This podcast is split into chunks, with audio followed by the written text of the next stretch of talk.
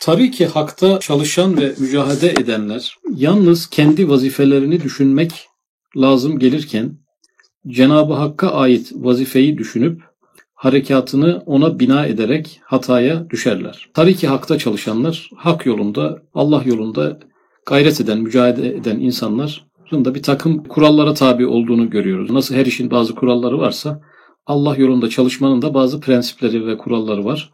Belki bu prensiplerin başında bir görev taksimi geliyor. Allah'a ait vazifeler var ve Allah yolunda çalışan insanlara ait vazifeler var. Bunlar bazen karışıyor. Karışınca ne oluyor? İnsanlar Allah'a ait vazifeleri üstleniyorlar, üzerlerine alıyor. Cenab-ı Hakk'a ait vazifeyi düşünüp harekatını ona bina ederek hataya düşerler. Harekatını neye bina ederek? Cenab-ı Hakk'a düşen vazifelere bina ederek, onları planlayarak, onları da öngörerek hareket ederlerse hata ederler.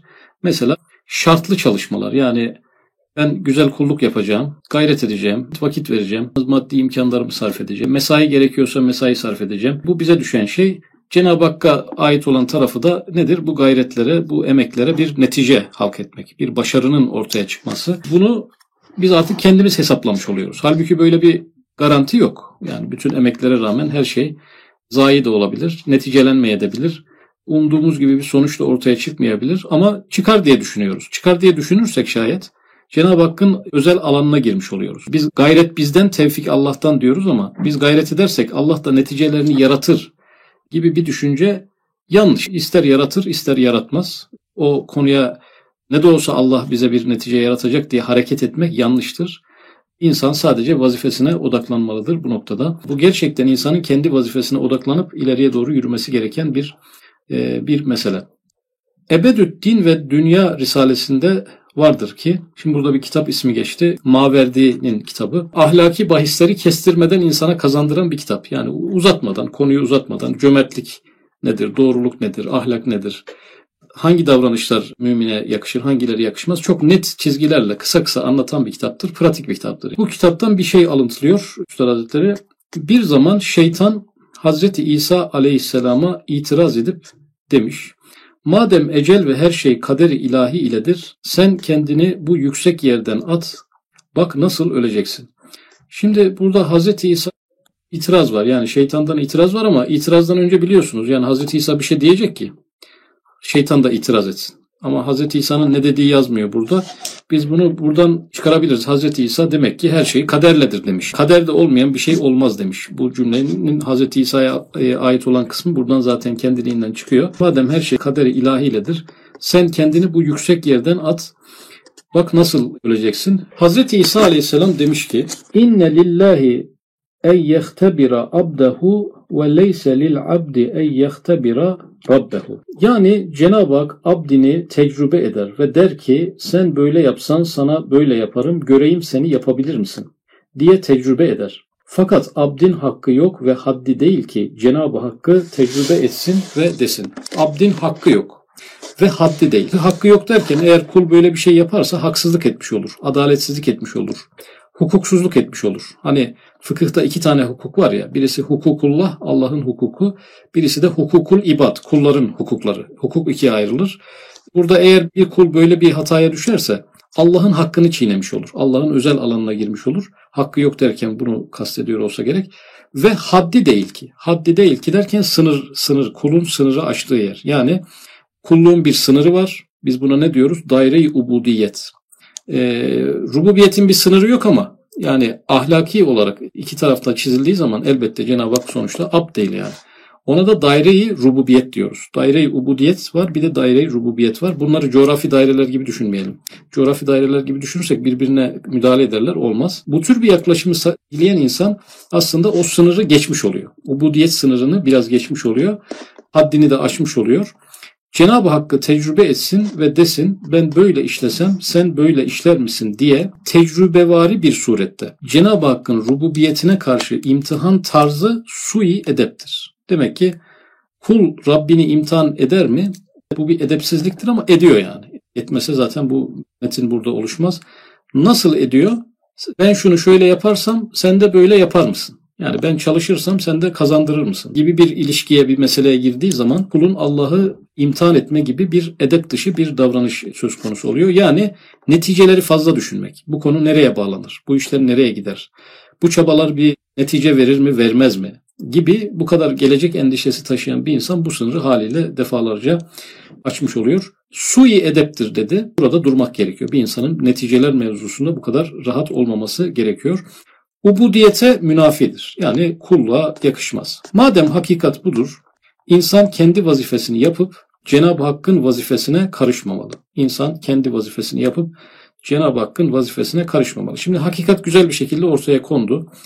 Bunun tabii insan bir örneğini istiyor. Bir yerlerde yaşanmış olması gerekiyor. Tarihte bir yerde bu yaşanmış olması lazım. Bu ahlak Allah'ı imtihan etmeme ahlakının güzel örnekleri. E, biz de oradan bir rehberlik alabilelim. Tarihten bir kesit geliyor. Meşhurdur ki bir zaman İslam kahramanlarından ve Cengiz'in ordusunu müteaddit defa mağlup eden Celaleddin Harzemşah harbe giderken Şimdi Harzemşahların lideri Cengiz'in ordusunu mağlup etmiş arkadaşlar. Müteaddit defa mağlup etmiş. Yani bir mağlup etmiş, yetmemiş, bir daha mağlup etmiş. Yetmemiş, bir daha. Bir de Cengiz'den bahsediyoruz.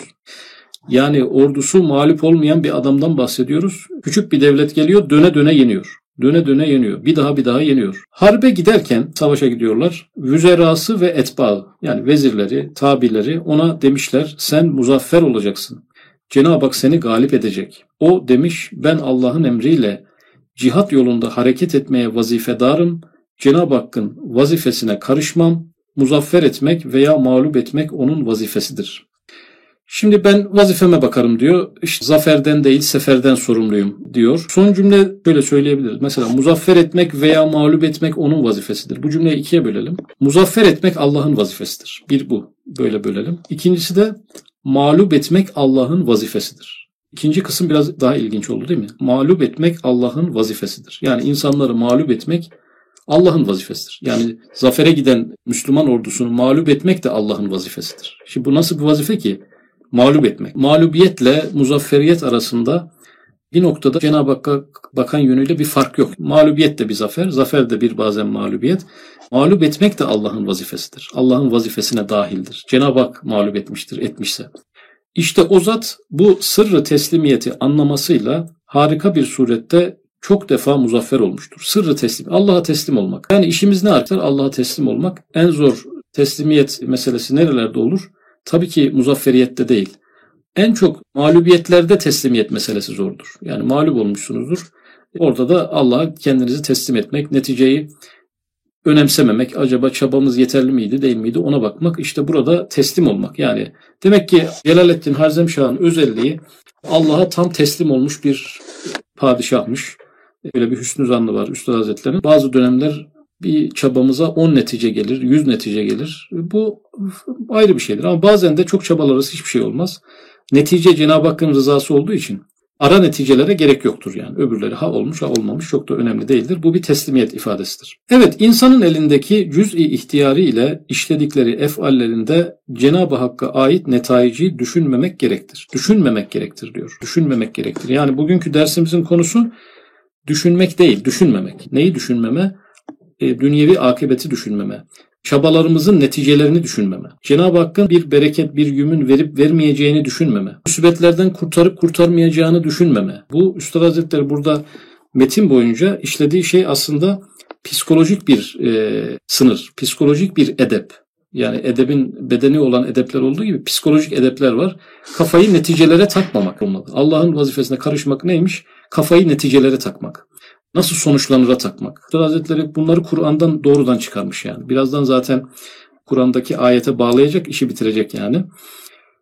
Evet, insanın elindeki cüz'i ihtiyarı ile işledikleri efallerinde, fiillerinde Cenab-ı Hakk'a ait netayici düşünmemek gerektir. Halbuki üstadı mutlak muktedayı kül rehberi ekmel olan Resul-i Ekrem aleyhissalatu vesselam ve me aler rasuli illel belag olan fermanı ilahiyi kendine rehberi mutlak ederek insanların çekilmesiyle ve dinlememesiyle daha ziyade sayu gayret ve ciddiyetle tebliğ etmiş.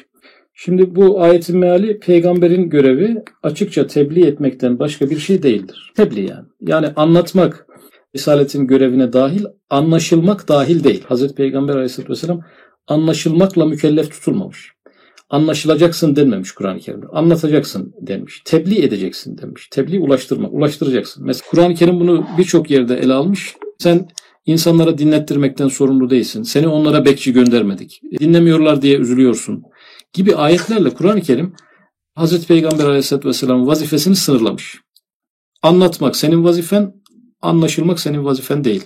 Mesajı vermekle görevlisin, hidayet vermekle görevli değilsin. Kur'an-ı Kerim böyle bir kanun koymuş. Burada Efendimiz Aleyhisselatü Vesselam'ı e, üç tane sıfatla Hazretleri ifade etti. Birisi üstadı mutlak.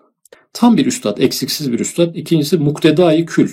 Kül yani bir bütün olarak tabi olmamız gereken kişi. Hani bazı insanların belli yönlerinden fazilet alırız. Üniversitede bir hocamızın çalışkanlığını örnek alırız. İşte bir yerdeki akrabamızın da dürüstlüğünü örnek. Herkesten bir şey alırız. Ama Efendimiz Aleyhisselatü Vesselam muktedai kül. Tamamen her yönünden bir rehberlik aldığımız insan. Rehberi ekmel, rehberliğinde kusur olmayan bir insan. İnneke la tehdi men bebte velakinnallâhe yehdi men yeşe. Sen dilediğin kimseyi doğru yola eriştiremezsin. Lakin ancak dilediğini doğru yola hidayet eder. Sırrıyla anlamış ki insanlara dinlettirmek ve hidayet vermek Cenab-ı Hakk'ın vazifesidir. Cenab-ı Hakk'ın vazifesine karışmazdı. Ayet-i kerimelerle sabit bir hakikat olduğu için e, bu noktada Üstad Hazretleri insanın sınırı aştığını, Cenab-ı Hakk'ın vazifesini sahiplendiği beklentilere girmesi kişinin hatadır. Öyleyse işte ey kardeşlerim siz de size ait olmayan vazifeye harekatınızı bina etmekle karışmayınız ve halikinize karşı tecrübe vaziyetini almayınız. İnsana düşen şeyle Cenab-ı Hak'la alakalı olan şey arasında bir sınır çizildi. Sonuçlara bakılan bir dünyada yaşıyoruz ve çok acımasız bir dünyada yaşıyoruz bu noktada. Düşünün ki bir soru çözüyorsunuz ama 2-3 sayfalık bir soruyu matematik formülleriyle bir yere kadar getiriyorsunuz. Son aşamaya kadar doğru getiriyorsunuz ama son anda bir çarpma hatası yapıyorsunuz veya toplama hatası yapıyorsunuz. Sıfır alıyorsunuz. Derler ya kaptanın gemiyi limana getirip getirmediğine bakarlar. Dalgalarla nasıl boğuştuğuna bakmazlar. Böyle bir dünyanın içerisinde yaşıyoruz. Herkesin gözü neticelerde, sonuçlarda böyle bir dünyada yaşıyoruz. Mağlup olmaktan bile sevinen, çok çaba e, ortaya koyduğu halde mağlubiyetle neticelenmesi, dünyevi neticelerinin zayi olması konusuna sevinen, mutlu olan, Cenab-ı Hak neticesini halk etmedi. Demek ki tamamı ahirete kaldı. Dünyevi neticeleri noktasında ahiretin meyvelerini dünyada yememiş oldum. Riya, kibir, gurur gibi bir imtihana da girmemiş oldum. Tertemiz bir şekilde ahirete bu amel gitti. Riyadan arınmış ihlaslı bir amel oldu. Böyle yaklaşım tarzları, böyle duygular ihtiyacı içerisindeyiz.